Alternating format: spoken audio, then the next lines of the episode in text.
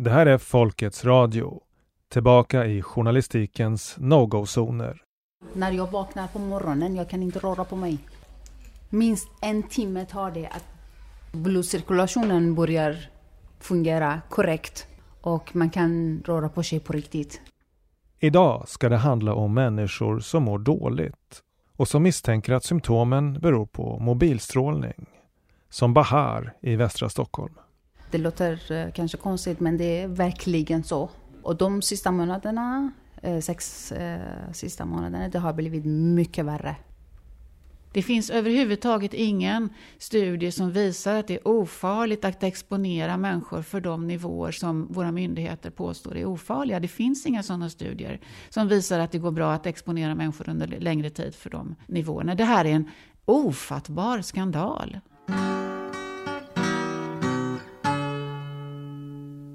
Basstationer för mobiltelefoni och smarta hem har poppat upp på människors hustak som svampar efter ett höstregn det senaste året.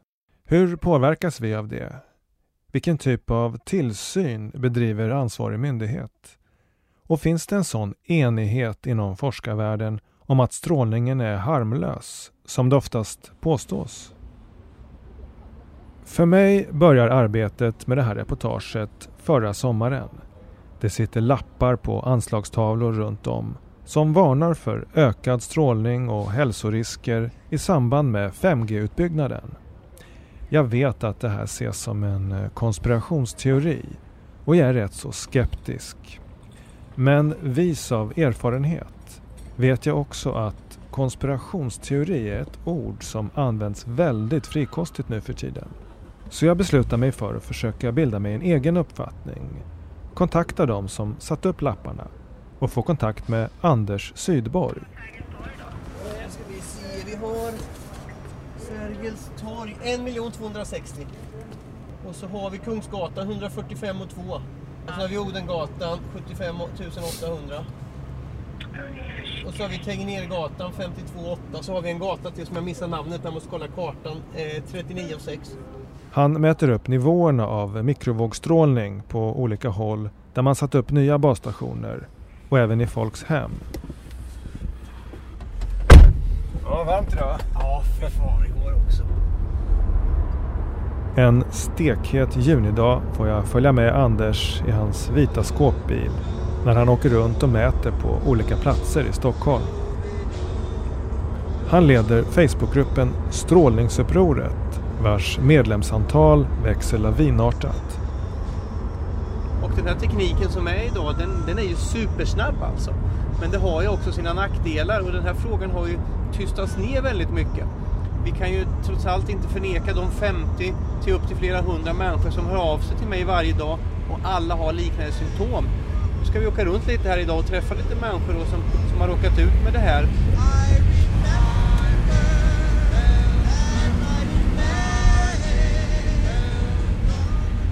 Och via Anders får jag träffa olika människor som märkt av konstiga symptom. Söder om Söder träffar vi Linnea. Ja, eh, vi spelar in lite material här för en, för en tänkbar eh, dokumentär. Ja.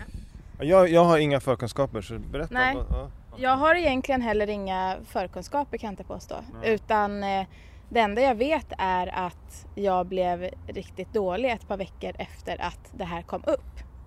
Eh, och det var nu tre och en halv eh, månader sedan ungefär. Eh, och jag vet i dagsläget att jag blir bättre när jag inte är här.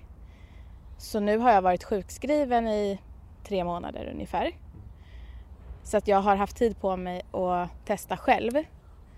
Så att när jag är på landet till exempel, eller när jag åker härifrån, så blir jag bättre och jag blir sämre när jag kommer hit. Och det som blir bättre och sämre är främst andningen. Alltså att jag blir tungandad när jag är här. Jag får eh, lite så här myrpirr i huden, lite domningskänslor i näsa, kindben. Eh, ross, ja, dålig andning liksom, tungt att andas. Och eh, första gången jag åkte härifrån så tog det tre, fyra dagar för mig att bli bättre på en annan plats. Har du pratat med några, gra- är det några fler som har upplevt något liknande här? Ja, det är det. Det är flera stycken faktiskt. Jag pratade med en granne senast i morse som jag inte har pratat just om det här med innan.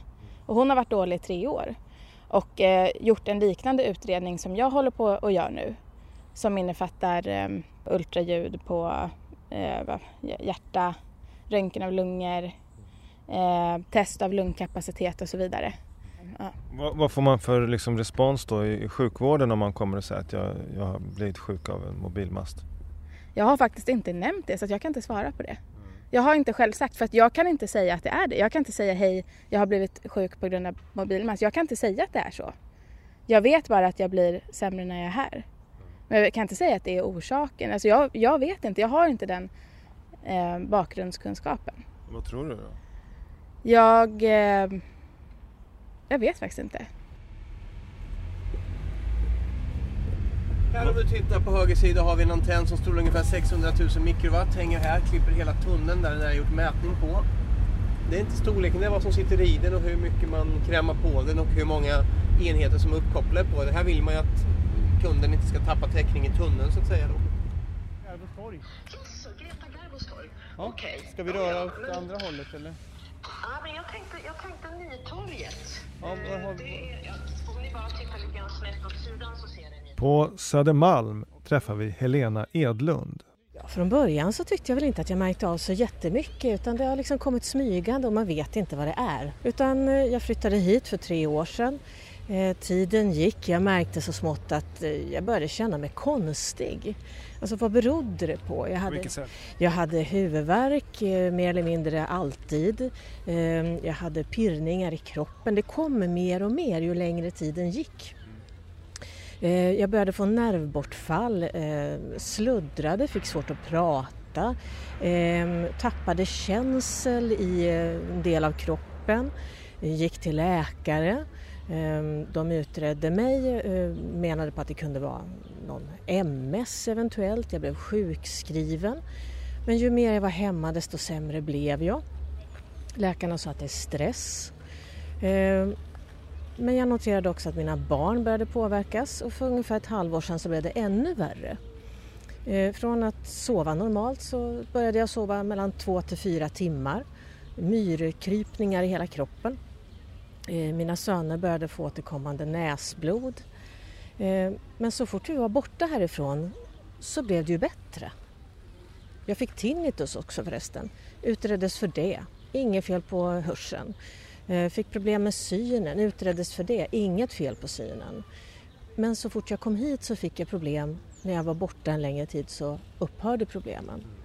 Ehm, men det tog alltså mig tre år innan jag överhuvudtaget började fundera på om det här hade med någonting eh, rörande strålning att göra. Ehm, för jag har alltså på mitt grannhus ungefär 20 meter ifrån min lägenhet en 4G-sändare, en ganska massiv sån.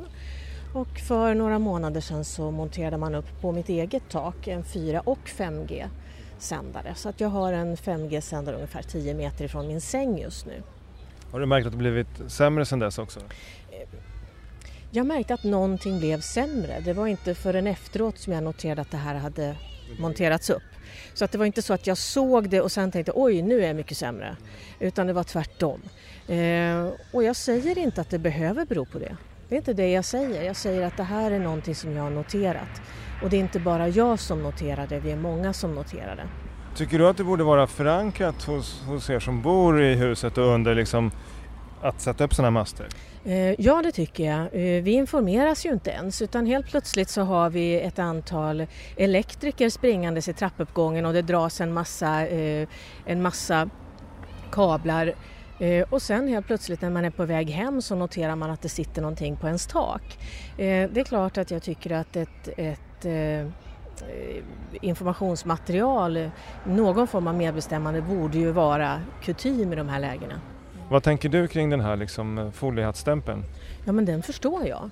Jag tillhör själv de som har suttit och skrattat gott framför outsiders eh, åt de här medelålders klimakterietanterna som springer runt och tycker att de är överkänsliga.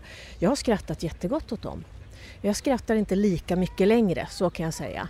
Eh, men det är väl så, vi måste själva drabbas eh, för att vi ska börja se att det kanske inte bara är konspirationsteorier utan det kan ju faktiskt ligga någonting bakom det här också. Ehm, och det är just det här att nu handlar det inte om enstaka individer som känner någonting utan det är så många som oberoende av varandra berättar samma saker. Och när det inte handlar om enstaka individer på outsiders utan det handlar om hundratals och tusentals individer som alla berättar samma sak då bör man i alla fall börja titta på det. Man kör ju då upp till, till 2,6 GHz kör man 3 och 4G idag. Och kommande 5G ligger man och kör i så kallade C-bandet nu på 3,5 GHz. Jag är som sagt lite skeptisk. Inte till vittnesmålen vi får ta del av. Men varken Helena eller Linnea tycks ju själva vara övertygade om att det finns någon koppling mellan deras symptom och mobilstrålningen. Och framförallt, jag har ju aldrig själv märkt av några liknande symptom och kan inte riktigt relatera till det.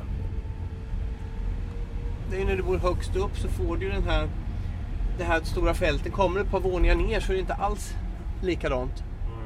Och vilken vinkel du bor i. Några som bor mitt över och som vi har haft kontakt med också som får den här strålningen rakt in i lägenheten. Så kommer vi till ett höghus i Kista. Taket ser ut nästan som Försvarets radioanstalt. Fullt med antenner och basstationer. Ska man säga så? Vi har gått igenom mycket, mycket. På gårdsplanen träffar vi två kvinnor, Jerusalem och Bahar, som båda bor högst upp. Vi bor här, eh, både jag och min granne. Jag heter Bahar. Eh, jag har bott här i 18 år eh, tillsammans med min dotter. För kanske sex, sju år sedan eh, har vi känt att det har börjat bli lite konstigt hemma hos oss. Inte bara vi, inte bara jag och min dotter. Alla som kom hos, alltså, mm, till oss, de sa att det känns lite konstigt här. Vad har du? Har du någonting allergiframkallande eller någonting? Ja, nej. Eh, Man känner sig, efter kanske halvtimme, det börjar att man känner sig lite eh, mm, högtryck på bröstet, illamående, konstiga känslor. Att man, typ att man är sjuk. Men eh, när man lämnar lägenheten, allt försvinner efter kanske halvtimme eh, och man känner sig helt normalt igen. Eh, jag började fundera, vi har så att det har blivit värre med alla symptom och så. Vi tänkte kanske det är någon typ sjukdom eller någonting, brist på någonting eller det är något som bakomliggande. Vi var hos olika läkare, både här, utomland, Italien, Iran. Eh, ingenting hittades. Eh, min dotter mest har hon näsblödningar. Nu för tiden, eh, de sex månaderna, har hon fått näsblödningar nästan varenda natt. Eh, sen sex månader sedan, jag tror att de har byggt ännu mera. Eh, det var inte så många förut. Så det har blivit mycket värre.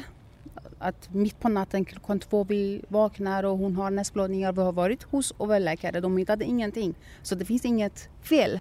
Eh, jag berättade för några läkare att det kan vara på grund av dem. De säger inte att det är helt ofarligt. De säger att vi kan inte säga någonting. Så eh, jag började tänka mer och mer. Jag sökte lite eftersom jag själv läst medicinteknik så jag vet att vad kan magnetfältet, strålningen göra med kroppen. Kanske inte kort tid men på lång tid. Man ska inte vistas nära eller bo i en i ett jättestort magnetfält. Tills jag började eh, kontakta olika personer som bor i samma eh, situation som vi är. Alla mår likadana. Vi har alla nästan likadana symptom. Så det kan inte vara något annat. Hur, hur känns det liksom att komma hem då till den här lägenheten? Det känns jättehemskt. Eh, om jag hade råd, om jag hade möjligheten. Jag skulle aldrig, inte en enda dag, sätta min dotter för det här. Jag tänker inte bara på mig själv. Och jag tänkte hundratusen gånger att hyra ut- den här lägenheten och flytta. Men jag tänker även på den personen som kommer att bo istället av mig här. Ehm, jag känner mig ansvarig också. De senaste åren, berättar de, har man ungefär en gång i halvåret kommit och monterat nya basstationer på taket. Nu är det så fullt av dem att det knappt ser ut att få plats med några fler. Och både Bahar och Jerusalem bor alltså allra högst upp med sovrummen precis därunder. Jag tycker faktiskt att folk ska öppna ögonen och hjälpa till för att vi lider på grund av den. Någon ska bry sig om oss. Har du också funderat på att flytta? Men jag har ingen råd annars. Jag skulle ha gjort länge sedan. Ja, jag skulle ha gjort länge sedan men jag har ingen råd. Ingen har frågat oss om det är okej okay att vi bor under det här. Ja, jag håller med faktiskt. Ingen som har frågat oss. Först, först främst de skulle fråga oss om vi är med. Det är orättvist. Nej, det är inte rättvist mot någon. Jag menar inte att alla ska känna det här och uppleva det här. Jag menar att ingen behöver uh, utsätta för något sånt. Mm, det känns som att vi... Vi, vi är inte värda någonting. Får vi följa med upp? Och... Ja, absolut.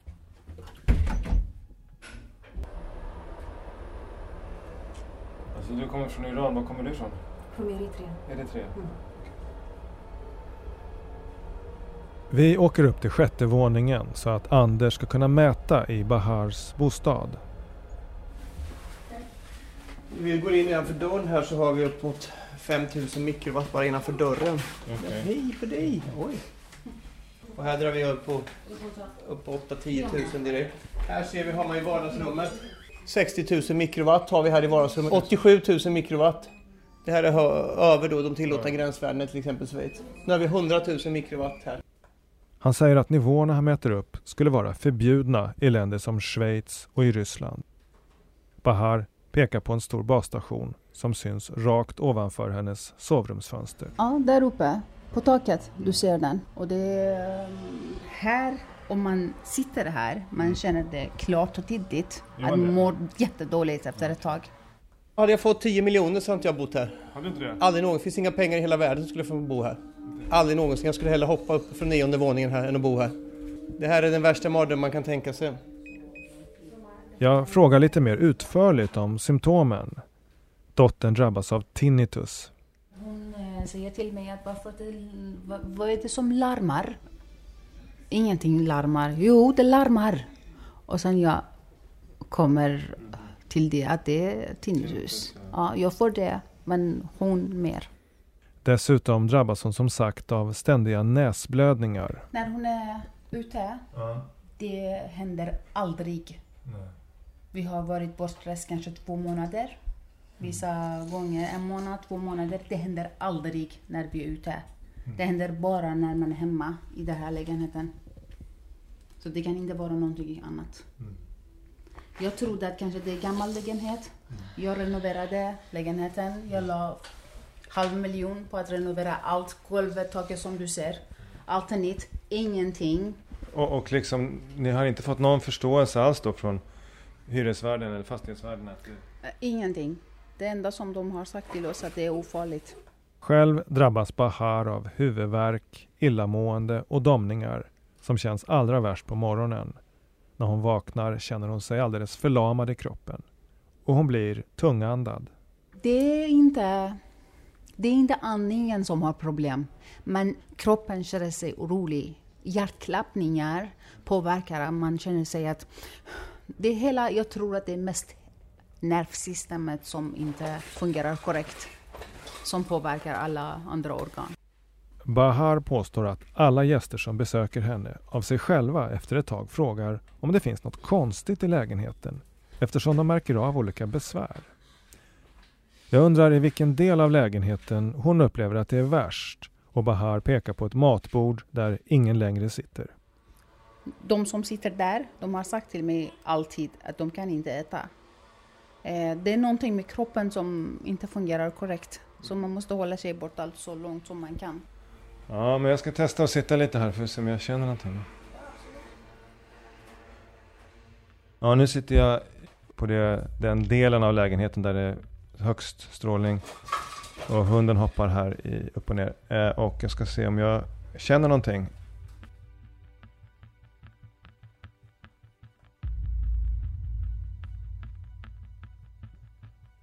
Minuterna tickar sakta iväg.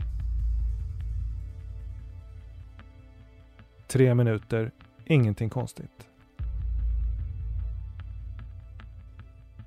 Efter fem minuter, fortfarande ingenting.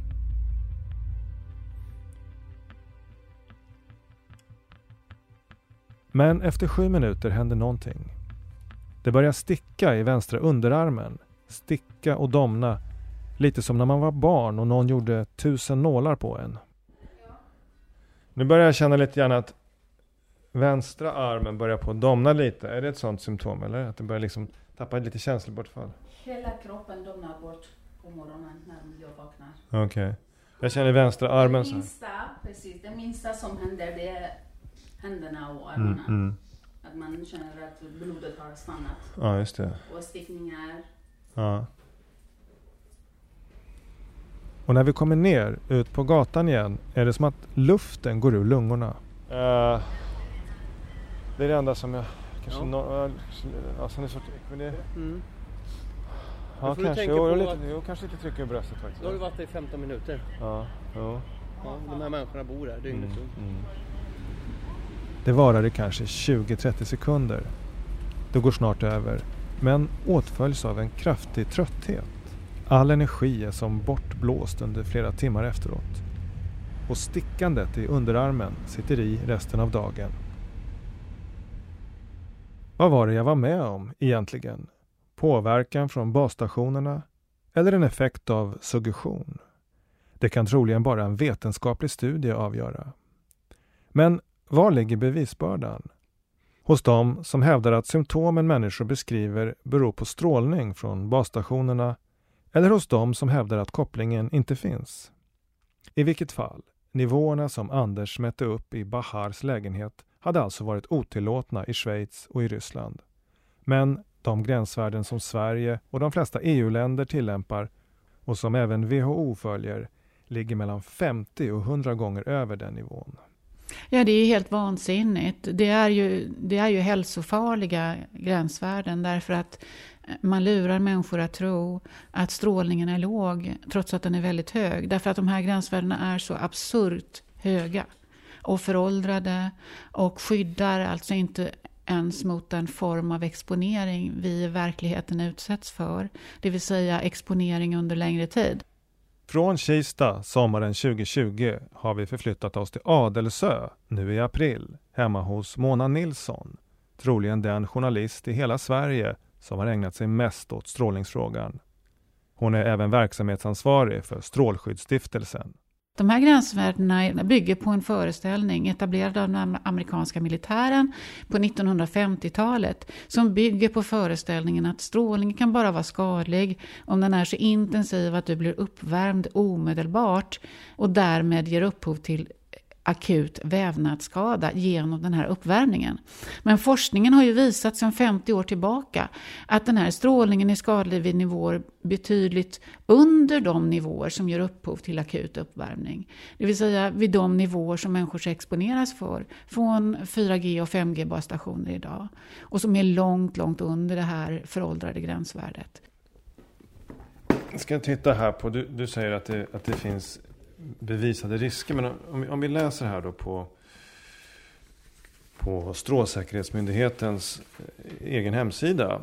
Eh, så, så står det så här att den omfattande forskningen på hälsorisker med radiovågsexponering har pågått i över 20 års tid. Och hittills har inga direkta orsakssamband mellan den svaga radiovågsexponering som vi vanligtvis har i samhället och hälsorisker kunnat säkerställas. Det innebär att de orsakssamband mellan svaga radiovågor och hälsorisker som noggrant undersökts antingen inte existerar eller är så svaga att de inte kunnat säkerställas. Det, det finns ingen evidens för att det skulle vara några, några risker. Nej, men det är ju enkelt att bevisa att det påståendet är gravt felaktigt och rent av lögnaktigt. Därför att det finns bevisligen omfattande vetenskaplig forskning som visar skadliga effekter av den här strålningen. Den här forskningen finns redovisad i forskningsdatabaser. Eh, hundratals vetenskapsmän pekar på just den här forskningen, att den bevisligen finns. Jag kan nämna som exempel så har över 70 studier visat att den här strålningen orsakar DNA-skador. Över 200 studier har visat att den orsakar oxidativ stress i celler. Eh, och över 200 studier har också visat eh, påverkan på det centrala nervsystemet. Men, men, du nämnde tidigare att, att forskarvärlden är splittrad i den här frågan. Det finns en sida också av forskarna som säger att det inte är några större risker. Ja, absolut. Det är en, en djup kontrovers. Och det är därför som det är, myndigheten brister i sin skyldighet att hantera frågor objektivt och sakligt och opartiskt. Strålsäkerhetsmyndigheten, SSM, låter via sin presstjänst meddela att det just nu inte finns någon som har tid att ställa upp på en intervju, utan att de besvarar mina frågor skriftligen. Jag undrar hur många som har vänt sig till SSM de senaste två åren och rapporterat om upplevd påverkan av basstationer och vilka tillsynsåtgärder SSM har vidtagit med anledning av dessa anmälningar och vittnesmål. Myndigheten svarar att man inte för någon sådan statistik samt att myndighetens riskbedömningar inte baseras på anekdoter eller personliga vittnesmål utan på den omfattande forskning som finns på området. Citat. Vad vetenskapen har kunnat visa så är exponering för elektromagnetiska fält varken tillräckligt eller nödvändigt för att framkalla de besvär som elöverkänsliga upplever. Slutcitat. Jag undrar om de kan hänvisa till några vetenskapliga studier som visat att det inte innebär hälsorisker att exponeras för mer än 100 000 mikrowatt i bostaden. Alltså de nivåer som Anders Sydborg uppmätte hos Bahar i Kista. SSM svarar Vetenskapen kommer aldrig att kunna bevisa att något är riskfritt eller ofarligt. Strålsäkerhetsmyndighetens referensvärden baseras på EUs rekommenderade maxvärden och under dessa nivåer finns inga säkerställda hälsorisker. Jag undrar om de kan hänvisa till några konkreta studier som undersökt hälsotillstånd bland just de som bor nära mobilmaster och basstationer för 3G, 4G och 5G. SSM svarar att det är svårt att genomföra studier av hur människor påverkas i sin naturliga miljö. Och de studier som har gjorts och som påvisat hälsorisker avfärdar SSM som bristfälliga. Citat. De studier som försökt undersöka samband mellan besvär och boende nära basstationer har ofta bristande metodik. Slutcitat. Alltså det som Strålsäkerhetsmyndigheten och telekombolagen och regeringen påstår är falskt. Mona Nilsson däremot anser att det finns stöd i forskningen för att säga att de symptom som Bahar och hennes dotter drabbas av beror på strålningen från basstationerna på taket. Vi har omfattande forskning som visar att den här strålningen skadar hjärnan och det centrala nervsystemet. Eh, och vi vet sedan 50 år tillbaka att den orsakar den här symptombilden som består av huvudvärk, sömnsvårigheter, yrsel, hjärtklappning, eh, stresspåverkan, depression, ångestattacker. Men vi har också många forskare som, som pekar åt andra hållet som säger att det inte är någon fara. Mm, de forskarna är, har oftast kopplingar till telekombolagen. De är medlemmar i den här organisationen ICNIRP som har fastställt de här föråldrade industritillvända gränsvärdena som inte skyddar oss mot, mot verklig exponering och de visade effekterna. Och man låter det varken i media eller i de här expertutredningarna som görs på myndigheterna inom EU och på WHO så låter man inte de kritiska forskarna som är i majoritet komma till tals. De som säger att vi har ökande belägg, ökande bevis för att strålningen orsakar cancer, för att den orsakar de här symptomen, för att den skadar cellers DNA och, och orsakar oxidativ stress. De blir ignorerade, utan man förlitar sig ensidigt på de, den lilla grupp av forskare som oftast har eh, bindningar till telekombolagen. Men kan man verkligen vara så kategorisk att alla forskare som pekar i den andra riktningen automatiskt har bindningar? Kan man verkligen veta det? Nej, men de tongivande forskarna, de som sitter och gör ut, utvärderingarna eh, för myndigheter, EU och WHO, de har i stort sett alla de här kopplingarna. Och man har alltså inte en en eh, bra representation från vetenskapssamhället eftersom man utestänger alla kritiska forskare som är i majoritet. I Gamla stan träffar jag Anders Sydborg igen som är uppe i Stockholm och gör nya mätningar. Tjena Anders! Hej Per, hej! Ja, det var länge sedan. Det var länge sedan, står du till? Jo det är bra. Ja, det var förra sommaren som vi åkte runt här och, och mätte lite grann. Eh, vad har hänt sedan dess? Ja, det är ju många människor som har hört av sig och fått olika symptom. Idag har jag varit och träffat ganska många människor och vi har gjort lite uppdateringar och eh, tyvärr sett så är det många basstationer som kommer upp som har gjort en del människor väldigt sjuka. Problemet är att det strålar på mer platser än vad det har gjort innan. Vi har Stortorget här till exempel, 235 000 mikrowatt som högst. Vi har Sergels torg nästan 1,3 miljoner, det är bland de högsta ställena i Sverige. Eh, så vi har lite ställen som, är högt och är obehagligt så att säga. Och sen är det som så att man har ju monterat det här mycket på bostäder, skolor, mycket till city.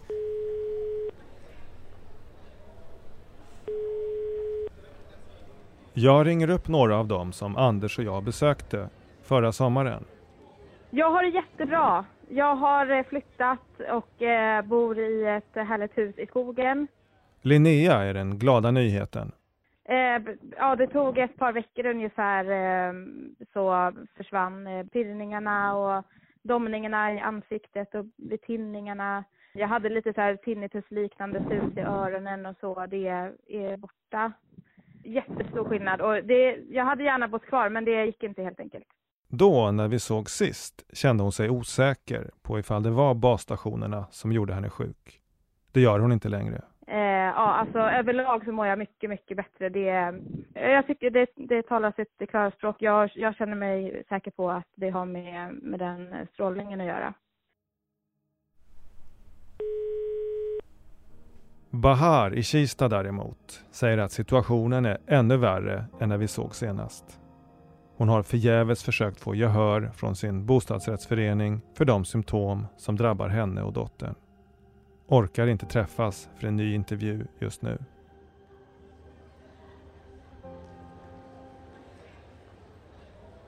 Det är inte enbart i hemmet människor upplever påverkan från basstationer. Här uppe, så fort jag kommer upp här så måste jag nästan ställa mig här någonstans och ta igen mig.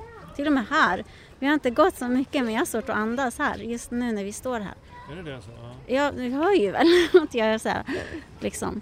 Beskriv hur det känns. Alltså det är tryck för bröstet så och det känns som att lungorna trycks ihop, att det blir liksom ingen flås. Alicia, vi kallar henne för det, vill vara anonym.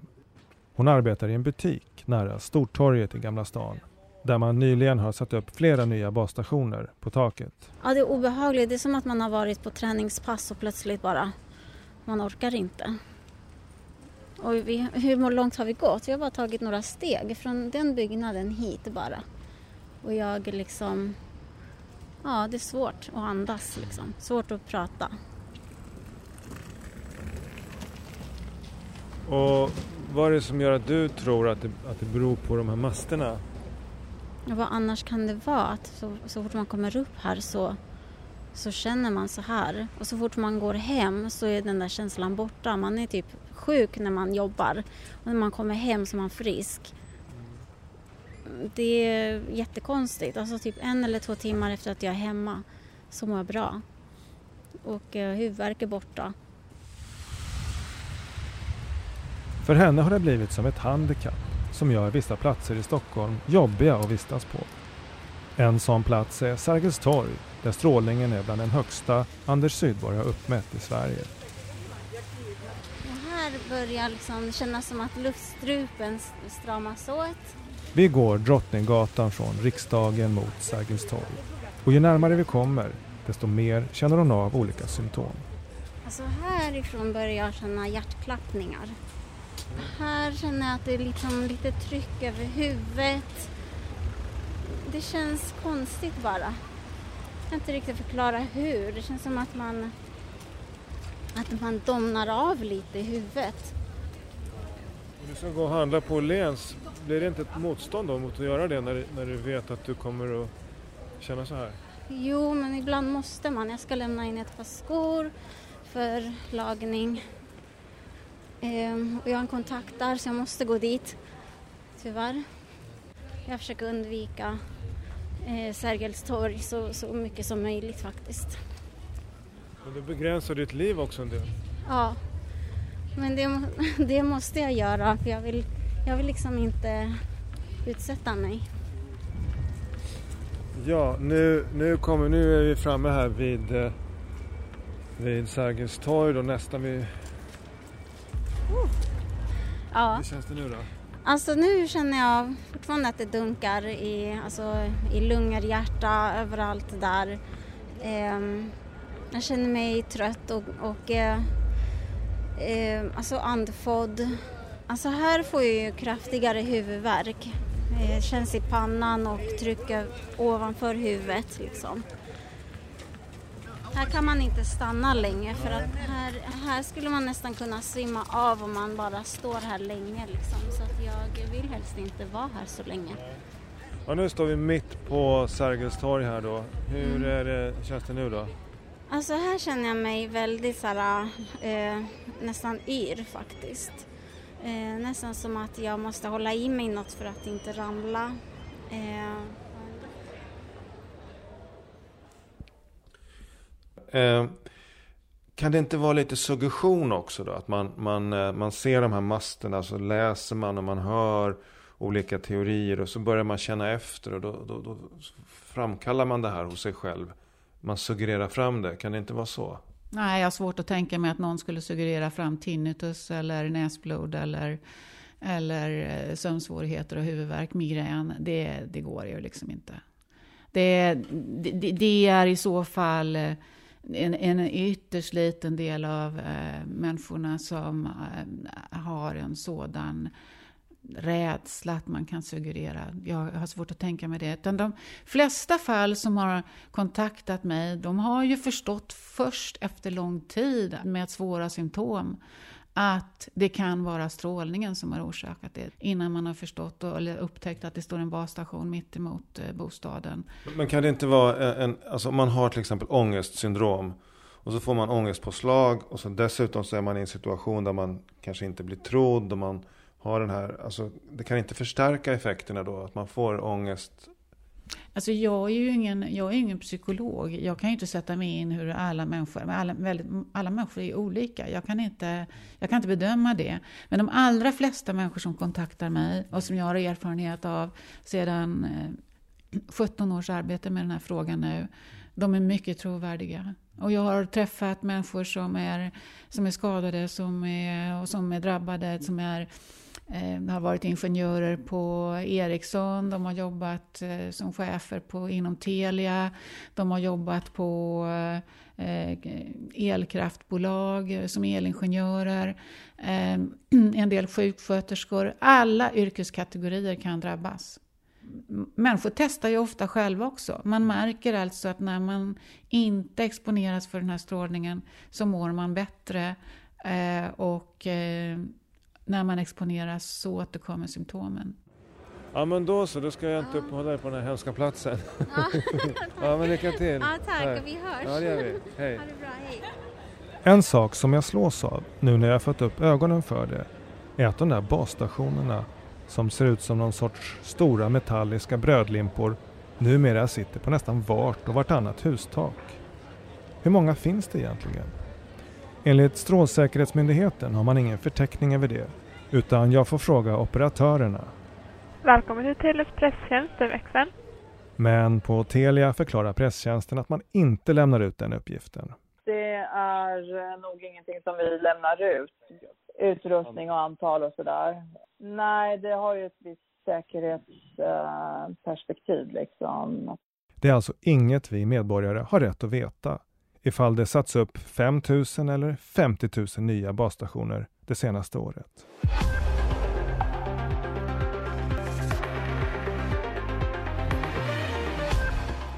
Var är journalistiken när det gäller den här frågan?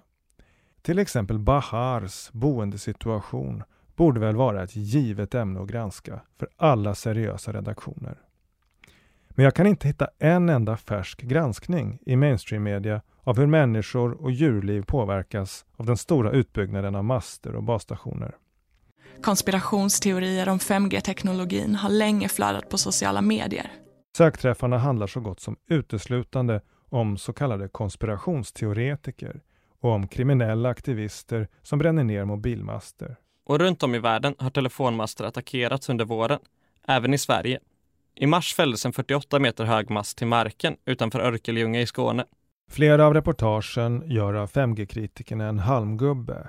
Alltså tillskriver de uppfattningar som inte är representativa för vad deras kritik går ut på. Under coronapandemin har konspirationsteorier om viruset fått fart, bland annat att det sprids med hjälp av 5G-tekniken. Vi som arbetar seriöst och professionellt med frågan, jag känner inte till någon som överhuvudtaget har framfört ett sådant argument. Skulle det vara tekniskt möjligt att sprida ett virus just via telemaster? Om, om man påstår något sånt, alltså den, den som påstår det måste ju komma fram med en förklaringsmodell. Det låter ju mer som ett, ett fantasifullt påhitt, en myt som man försöker sprida och stämpla oss på för att eh, sprida tvivel över kritikerna och smutskasta oss. Idéhistorikern Andreas Önnefors vid Uppsala universitet, som skrivit studien, menar att MSB behöver uppmärksamma allmänheten på faran med konspirationsteorier.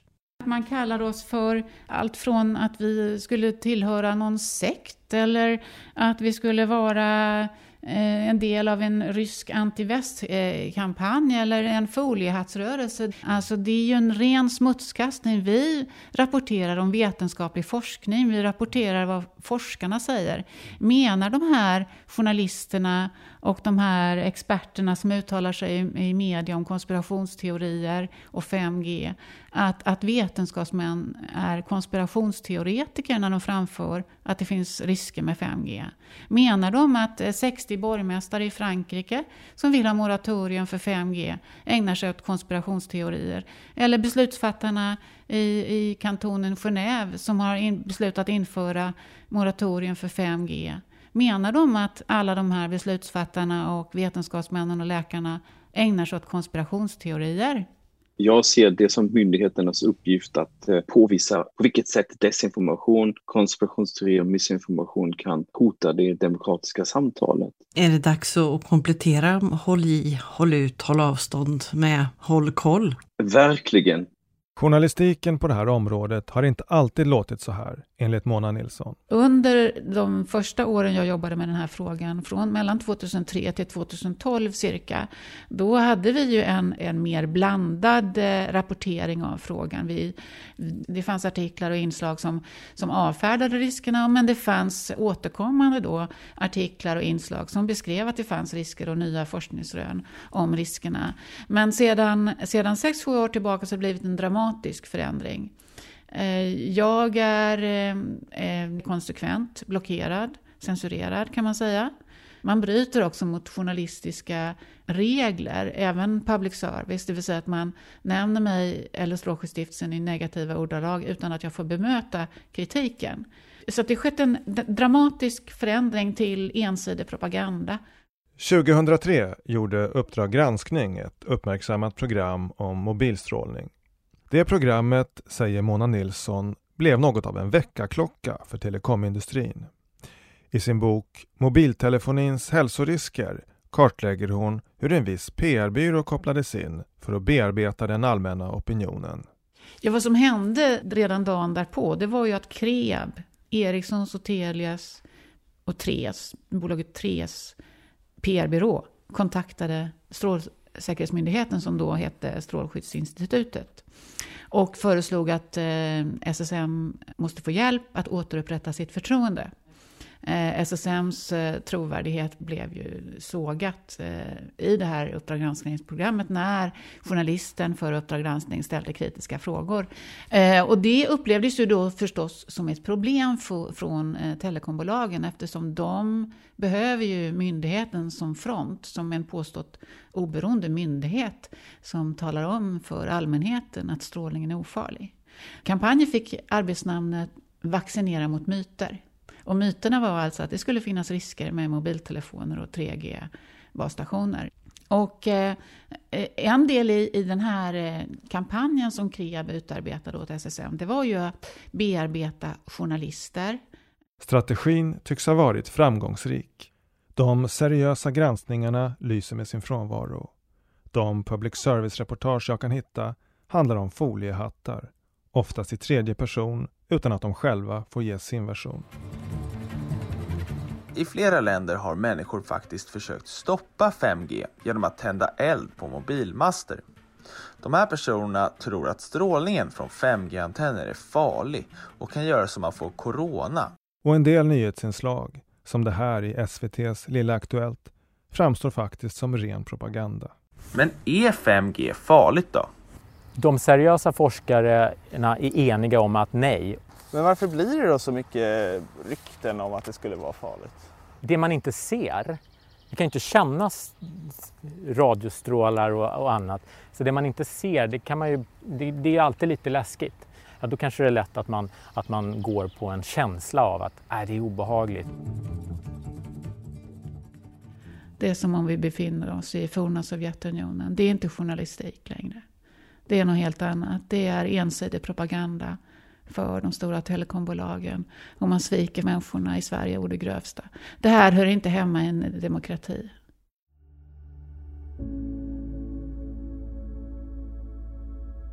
När vi ändå är inne på ämnet journalistik vill jag passa på att bemöta en inkommen kritik.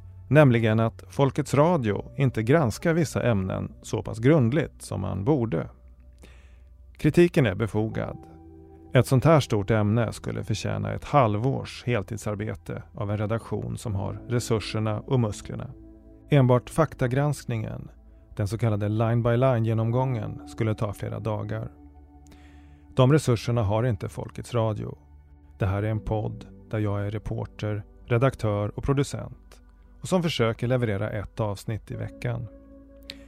Så med tanke på att Folkets Radio inte kan göra ett sånt här ämne full rättvisa, hör av dig till de redaktionerna som kan och uppmana dem att göra en ordentlig granskning. Bahars och Jerusalems boende borde som sagt vara ett givet ämne att granska för varje seriös redaktion som har resurser att också genomföra en vetenskaplig studie, dubbelblindad enligt forskningens alla regler. Varför inte i samarbete med någon institution på universitetet? Så skulle man antingen kunna avfärda näsblod och tinnitus och domningar och huvudvärk som icke kopplade till basstationerna på taket. Och då skulle det vara mycket värt. Eller så skulle man kunna slå fast att det finns en koppling och genast skulle följdfrågan dyka upp. Hur många fler sådana här boendesituationer finns det i Sverige idag? Man kan tycka att det är ett ämne som inte är värt att granska. Men då ska man kanske inte kalla sig journalist. Så nu fick hon näsblod här? Kom, kom här. Jag vill in på din mamma. Det är mycket nös. Näsblod. Mm. Kort innan vi lämnar Bahars lägenhet drabbas dottern återigen av näsblödning. Förut var det kanske två, tre gånger varje vecka. Men nu det är dag och natt. Och... Känner du dig orolig för din dotter? Klart jag känner, man känner sig orolig. Det, det, det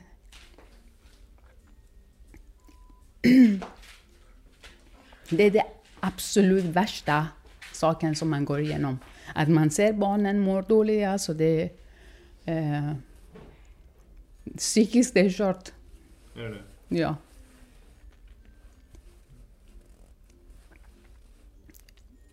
Jag hoppas, jag hoppas verkligen, jag hoppas att någon bryr sig och tar detta på allvar. Ingen behöver gå igenom detta. Jag har ingenting emot mm, teknik. Men de måste bygga på rätt sätt. Inte på byggnader, inte där som folk bor.